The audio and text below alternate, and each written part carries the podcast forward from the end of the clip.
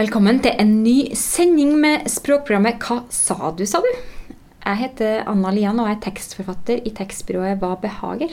Og vi har altså satt i gang med det her litt, eh, eller ganske så overmodige stuntet som det er å lage et radioprogram om språk hver eneste uke. Og i dag så er det òg min kollega Sara Husby sin første sending! Hvordan, ja, hvordan føles det, Sara? Du, det føles helt fantastisk. Jeg brukte jo forrige uke på en litt lei influensa, men nå er jeg tilbake og veldig klar for radio. I den grad stemmen min noen gang er klar for radio, da. Ja, det er en vakker Sara. Det er vakkert. Så du, Ja, men, veldig glad for å ha deg på plass. Eh, og I dag så skal vi snakke en del om ord og uttrykk. Hva de egentlig betyr, og hvilke uttrykk som er i ferd med å forsvinne eller endre mening, og ikke minst hvilke uttrykk folk blander sammen og misforstår. Det er jo veldig morsomt. Men aller først så skal vi snakke om noe helt annet, for her om dagen så feira vi i Hva Bager fem år, femårsdag, med brask og bram. Og ja, forresten, vet du hva brask og bram betyr? Du, det gjør jeg. Helt tilfeldig. Helt sånn Google-tilfeldig, eller? Veldig Google-tilfeldig. ja. For det som er litt rart med det uttrykket her, da, det er at ingen som sier det, egentlig vet hva det betyr, sånn helt nøyaktig. Men så vet vi det på en måte likevel. Ja. Ja, Vi skjønner det rett og slett av sammenhengen det brukes i. Selv om ordboka ikke gir oss noe sånn veldig tydelig forklaring på den opprinnelige meninga. Ja, Hva, hva sier ordboka? Er? Støyende, overmodig, så det riktig merkes. Det er forklaringa ordboka gir på brask og bram. Ok, Så overmodig, men det er jo nesten litt negativt. Det kan være litt negativt. Ja. Men eh, det var ikke, altså, det var ikke overmodig feiring av oss på bursdagen. altså. Det var helt innafor. ja. Men hva ordet bram egentlig betyr, det er litt usikkert. Men en ting som i hvert fall er sikkert, er at det kun brukes i uttrykket med brask og bram. Og da kan det jo også sies at det er et såkalt verbalsubstantiv til verbet å bramme.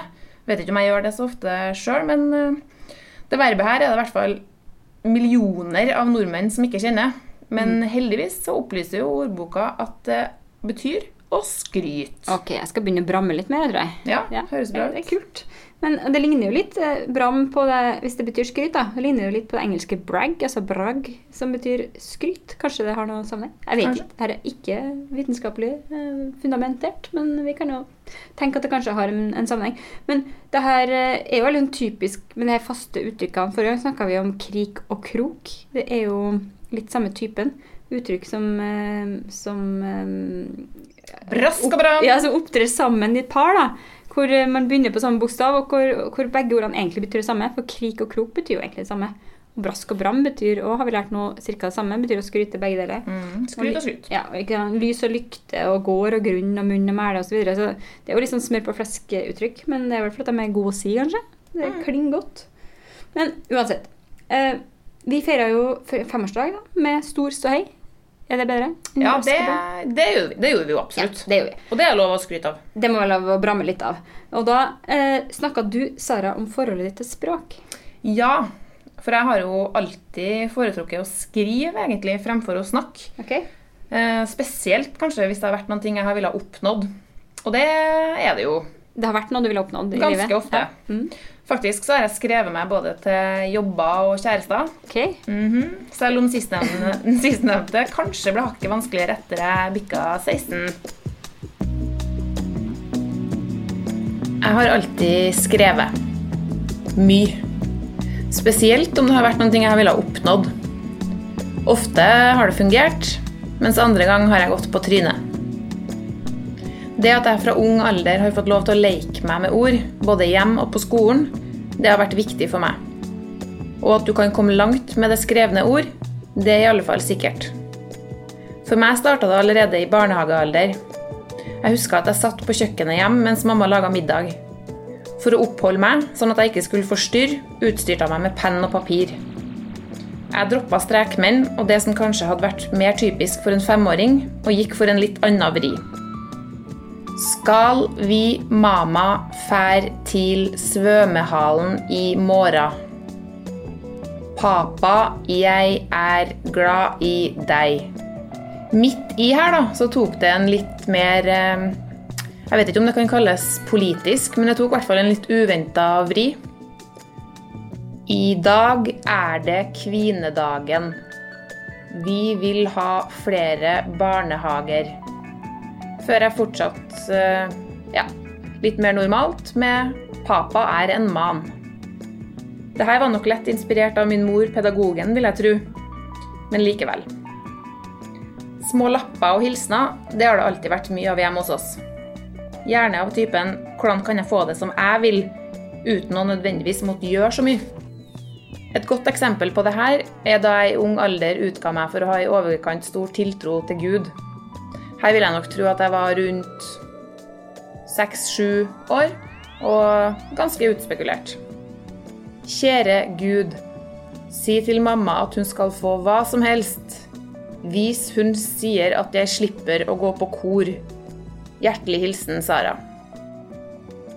Dette var nøye planlagt, og utspekulert som jeg var, så plasserte jeg lappen på et strategisk lurt sted, hvor jeg visste at mamma ville finne den.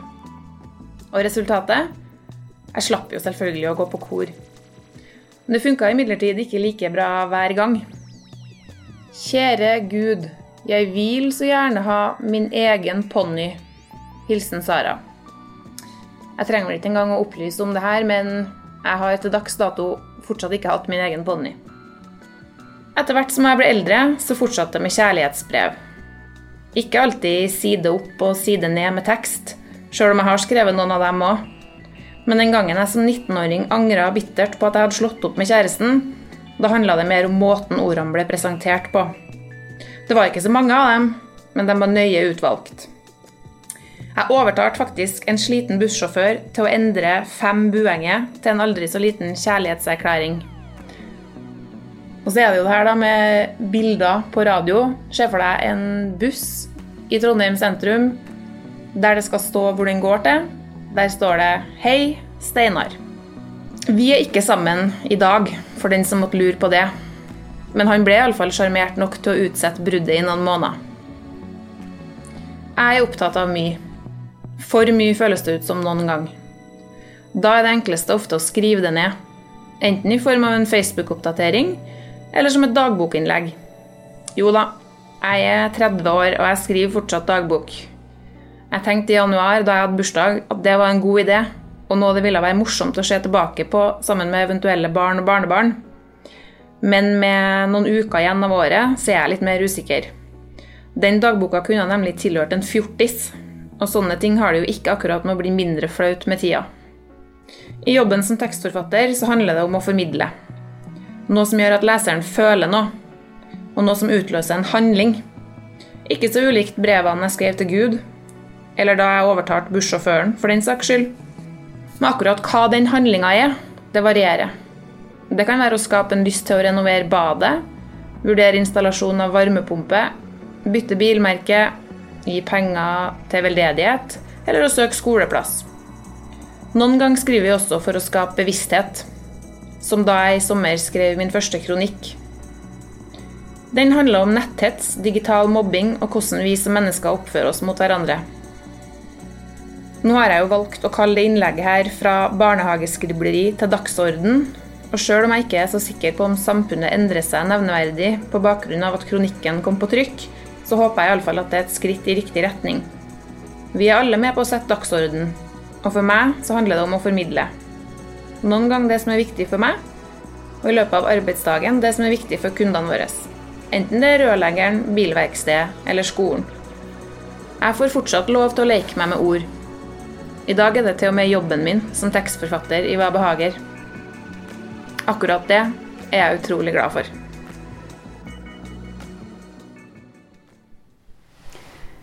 Ok, Vi sitter altså her og snakker om ord og uttrykk i dagens utgave av språkprogrammet Hva sa du, sa du? Jeg klarte å si det uten å si Hva sa du, sa du? Men uh, kan du prøve, Sara? Hva sa du, sa du? Nei, det går ikke. Nei, det går ikke. Uh, og sist da så hadde vi et uh, program om jul, juleprogram. Vi snakka om noen ord og uttrykk som f.eks. julekvelden på kjerringa. Men det vi ikke snakka om, var jo selve ordet jul, og hvor det kommer fra. Ja, for det er jo kanskje der vi burde ha starta, da. Ja. Det er ingen som egentlig vet hva ordet jul betyr, eller hvor det kommer fra. Hæ? Nei. Det syns jeg er rart. Ja, veldig rart. Ja. Men det som er sikkert, da, det er at ordet var brukt i norrøn tid, og at det den gangen het jol. Mm -hmm. Vi vet såpass mye at ordet ble brukt om et midtvintersblot Ja vel. som eh, skjedde omkring 12. januar. Hm. Og det, da kan jo jeg selvfølgelig ikke unngå å si at det er på min bursdag. Er det? Mm. Ok, Driver du noe særlig? Jeg bloter alltid på bursdagen min. Å, det er herlig. Jeg skjønner ikke hvorfor jeg ikke er blitt invitert. Må ha sånn der kappe og Neste år. Ja, okay. Neste år blir det. Greit. Jol, da. Det er et generelt ord som vi finner i skandinaviske språk. Det finnes eh, også i litterært engelsk, men der finner vi det med stavemåten jul. Altså Y-U-L-E. Er det sånn som i Yuletide Gay og sånt? Ja. Vi- ja. Yuletide. Jeg får litt julestemning av det. Yuletide. Ja, Ja. faktisk. I dag så har de fleste europeiske språkene erstatta det gamle hedenske ordet for jul med nye ord som refererer litt mer til Kristus eller fødsel, som det jo da strengt tatt handler om. Ok, altså, Snakker vi da om sånn Christmas? Ja, Ja. der, der sa du det.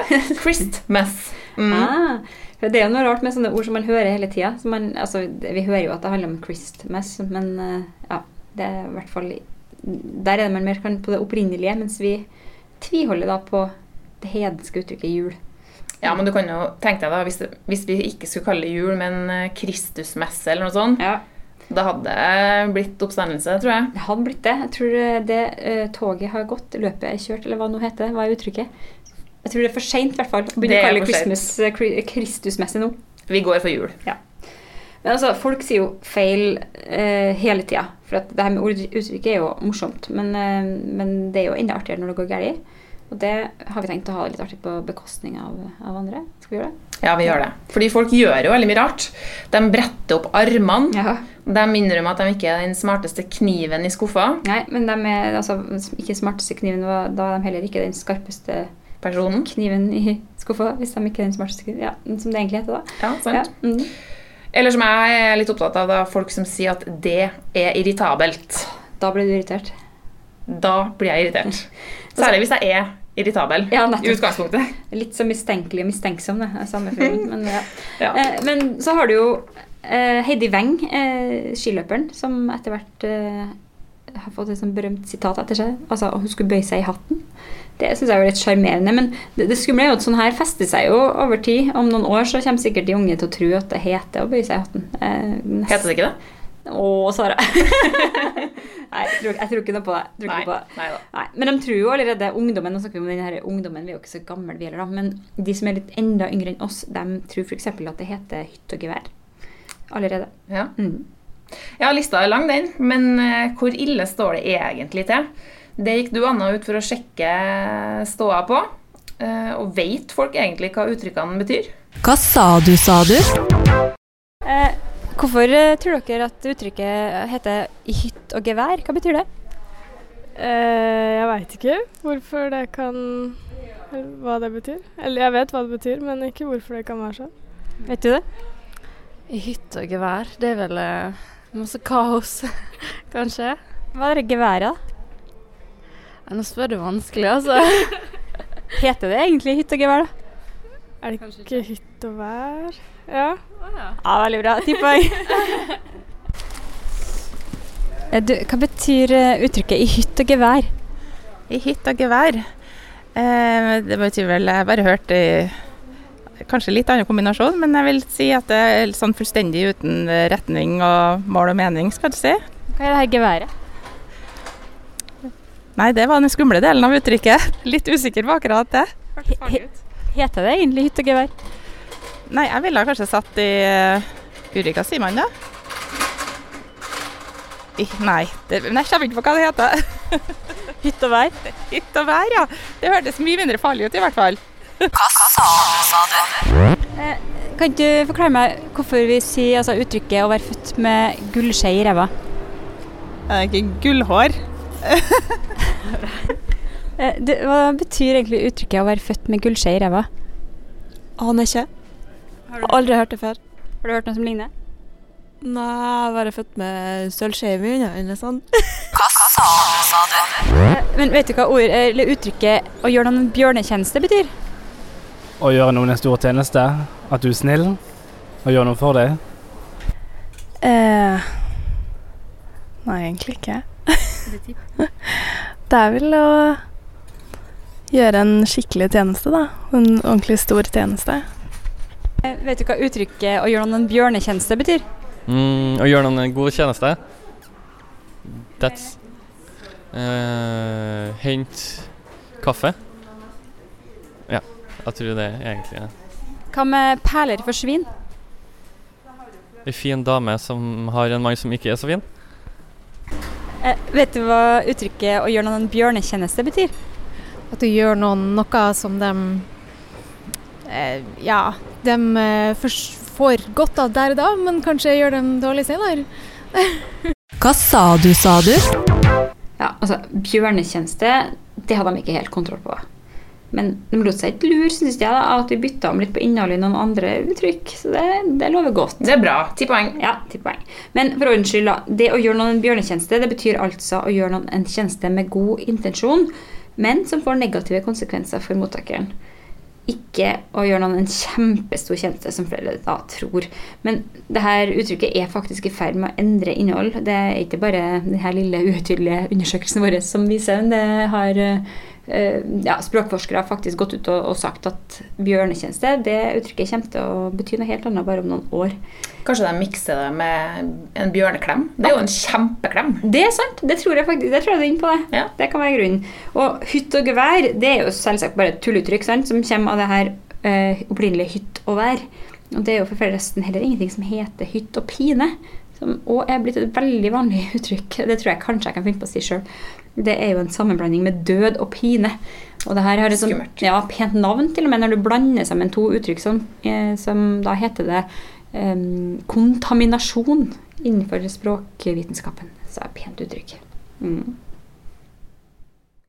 Vi jobber jo med tekst, men likevel så kan vi jo ikke akkurat påberope oss å være eksperter på ord og uttrykk. Nei. Og vi har jo helt sikkert flere uttrykk vi sliter med sjøl òg. Jeg vet nå at jeg mer enn én en gang både har sagt og skrevet feil. Og det har kanskje du òg? Mm, nei, jeg tror faktisk aldri det har skjedd. Um, ja, eller ja, ok, kanskje en gang. Kanskje par gang. Kanskje par gang. Kanskje spesielt når man skal snakke live på lufta. Nå er vi ikke live, da. Men vi retter ikke opp feilene våre. Sara. Nei. nei. Det får bare gå som det går. Uansett så har jeg i hvert fall lært meg Jeg bruker lang tid på å lære meg det at det heter å se gjennom fingrene på noen ting. Der har jeg sagt feil mange ganger. Jeg har sagt uh, mellom fingrene, men det heter det faktisk ikke. Det er jo, høres sånn ulogisk ut, for du kan jo egentlig ikke se gjennom fingrene. Men kanskje det er det som er litt uh, poenget òg, da? At det, hvis det er noe du ikke vil se? Det er akkurat det. Det er derfor det vil si det. Det er fra tysk å se noe durch i finger, eller noe er usikker på om tysken er helt riktig, men i hvert fall durch. Eh, og det handler om at man da holder hånda foran øynene så man ikke ser det. Så det, det stemmer. Og så vet jeg at jeg sier feil når det gjelder det her å stikke noe under en stol. For det heter ikke det heller.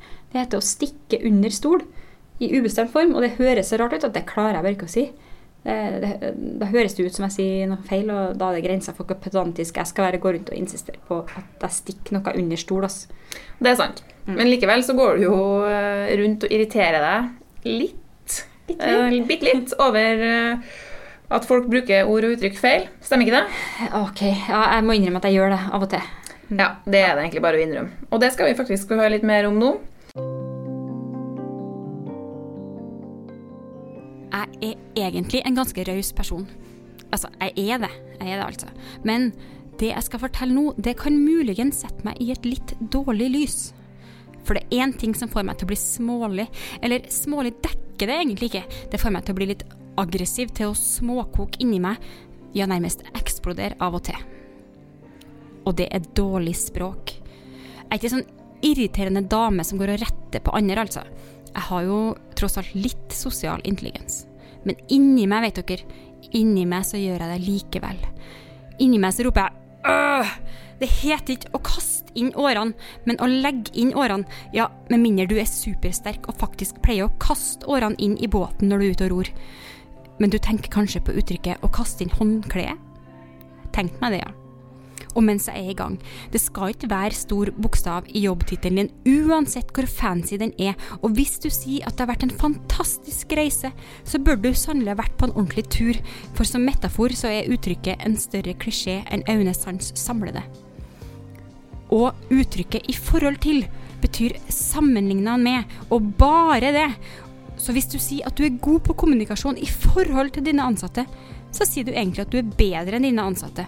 Og det kan det godt hende at du er, men det er vel egentlig ikke det du vil si? Eller?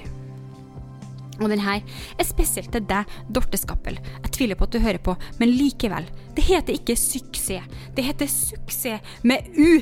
U, som i hører du. Hæ? Uh, lurer dere på om det ikke er litt slitsomt å gå rundt og irritere seg sånn hele tida? Ja, klart det er. Det er jo en grunn til at jeg allerede har gitt opp en del kamper.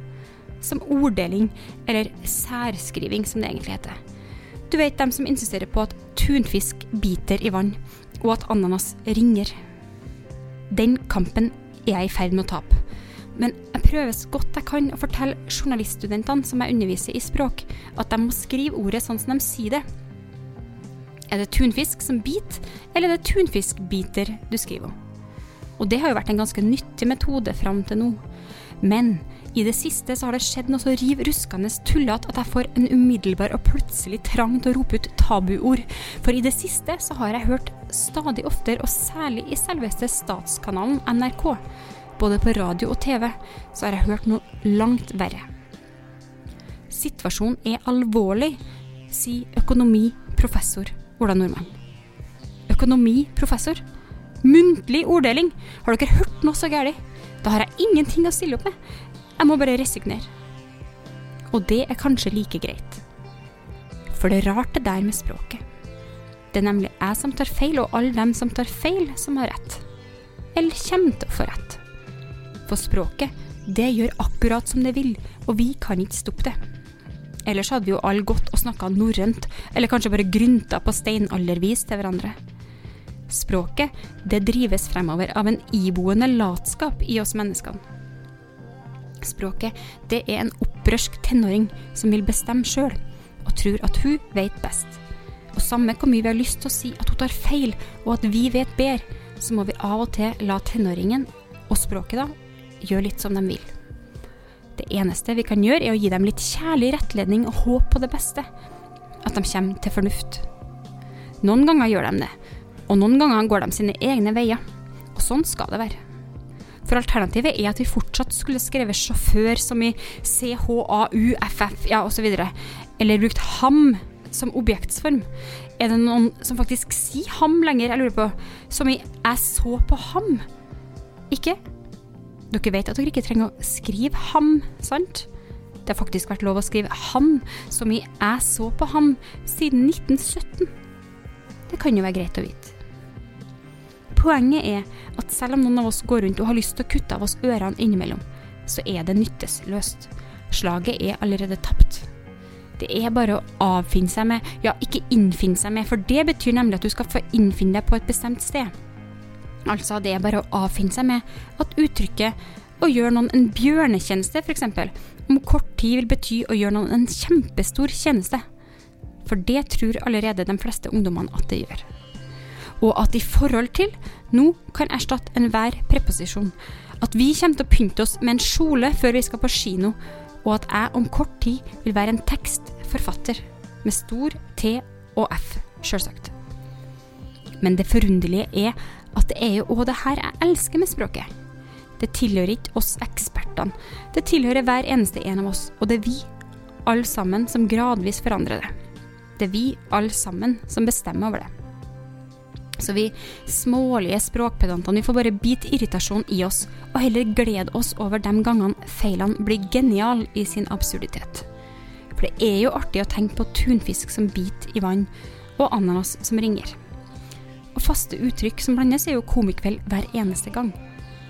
Som når en tidligere kollega av meg i fullt alvor brukte uttrykket å bli født med en gullskje i ræva.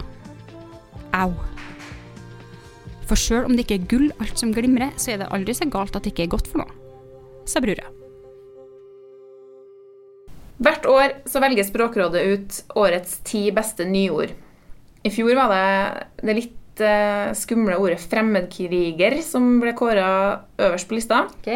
Og året før der igjen så var det faktisk sakte-TV. Ja vel, men hvem, hvem man gjør da? I år så var det det grønne skiftet som kom øverst. Og det er jo et godt eksempel på at eh, endringer i samfunnet faktisk skaper nyord. Men, det er jo litt sånn, jeg bare tenker på det du sier nå, for at det grønne skiftet og fremmedkriger og sakte-TV Det er jo, høres ut som sånn Nytt på nytt-episode, egentlig. Men Ja. det er jo, jeg tror vi skal gi litt honnør til en sånn utskjelt uh, yrkesgruppe som heter journalister. Det er jo gjerne dem som setter sammen de her nye ordene, gjerne i overskrifter og forskjellig, for de, de har jo plassmangel. Jeg tenker at det her handler jo litt om effektivisering noen gang. Absolutt. Ja, så det er bra. Da, da oppstår det nye ord. Og så brukes de jo oftere og oftere. Men i tillegg til at de, eh, de brukes, da, ordene, så er kreativitet og en viss språklig kvalitet viktige kriterier for å havne på denne lista. Ok, Så det er ikke alle typer artige ord, men det må være eh, ja, bra. Det må være bra. Ja. Og det vi hang oss litt opp i, det var årets sjuendeplass. Sjuendeplasser er ofte altså, undervurdert. Ja, de Man skal gå litt ned på lista. Der får vi jo noe bra. Vi fant noe veldig bra. Vi fant tasteplass. Og det er jo da, kort fortalt, rasteplassene som Vegvesenet har bygga ut langs bilveier med nettforbindelse, sånn at folk faktisk kan stoppe opp og bruke internett. Sånn har det blitt. Fantastiske greier. Ja. Jeg ble så glad da jeg hørte det. Jeg har aldri hørt om tasteplass før. Jeg visste ikke at de hadde bygd ut sånn heller. Men det finnes jo masse sånne gamle rasteplasser. Som er, her vet jeg heller ikke, det her, men jeg ser for meg at kanskje folk ikke i så stor grad som før pakke den mm, kjølebagen med mat og sette seg ned. Nå har vi bedre råd, så drar vi på nærmeste veikro. Vi har det så travelt, vet du. Ja, men noe må vi jo bruke rasteplassene til, så nå har de bygd om da til tasteplasser. Ja. Og, Og det er bra. Det er veldig bra. Jeg veldig, altså, satt pris på det her nyordet. Jeg har vært glad for det. For vi er jo veldig enige om at man sender ikke SMS mens man kjører bil, sant? Det, Aldri. Ikke SMS i bil. eller google eller noen ting, egentlig. Nei, nei. Skummelt. Skummelt. I ukas lytterspørsmål så har vi ikke et spørsmål denne gangen, men en innstendig bønn fra Mari Wold, som har spurt oss om vi ikke kan ta opp det her med 'i forhold til', og at det brukes feil hele tida. Og det kan vi jo selvsagt gjøre. Klart det, Mari. Nå nevnte jo du det i innlegget ditt, Anna, eh, men akkurat det her kan kanskje ikke gjentas for ofte. I forhold til betyr sammenligna med, og kun det. Yes, det er bare Husk på det først som sist. og egentlig så Det enkleste er jo bare la være å bruke det i det hele tatt. fordi at eh, det er så lett å bruke det feil. Jeg tror Vi har liksom, vi hører nesten ikke lenger at det ikke, når det brukes feil, fordi at eh, vi har blitt så vant til å høre det. Spesielt politikere og byråkrater. Var noen som tok og noterte seg i et kommunestyremøte tror jeg, hvor mange ganger i forhold til det ble brukt feil. Jeg tror det var 150 ganger i løpet av et kommunestyremøte. Hvor lenge varer et Nei, det vet ikke, men uansett tror jeg det er mye. da. Ja. Det er mye, og Jeg satt selv på et foreldremøte hvor en lærer brukte, hadde lyst til å notere det, og jeg hørte liksom i hver eneste setning hva det i forhold til. Så det har blitt et litt sånn latskapord, fordi det er mm, Man bytter bare ut en preposisjon. I stedet for å finne ut hva slags preposisjon det er, så setter vi inn i forhold til, og da trenger vi ikke å tenke. Da er det bare å si i forhold til ditt og forhold til datt. Så kjedelig, da. Ja, det er kjedelig, og så, og så blir det jo av og til helt feil mening. Mm. For du, Det betyr jo som sagt sammenligna med, og da, da blir det av og til litt sånn ko-ko innhold. Men da kan du jo bare si det. Sammenligna med. Ja, hvis det er det du skal si. Så Ja, sier du det. Nettopp. det det du Helt enig. Men eh, sånn i forhold til det, da, så er vi snart ferdig med denne sendinga og skal bare takke av for oss i forhold til dette programmet. Eh, hvordan syns du det gikk i forhold til forventningene dine, Sara? Ja, Den siste der var vel riktig i forhold til Ja, tror det. Ja. Jeg syns i hvert fall at det her gikk eh, ganske så bra. Men eh, nå er det slutt for denne gangen. Husk at du kan sende inn spørsmål til oss på Hva behager sin Facebook-side. Så høres vi snart igjen. Ha det! Ha det!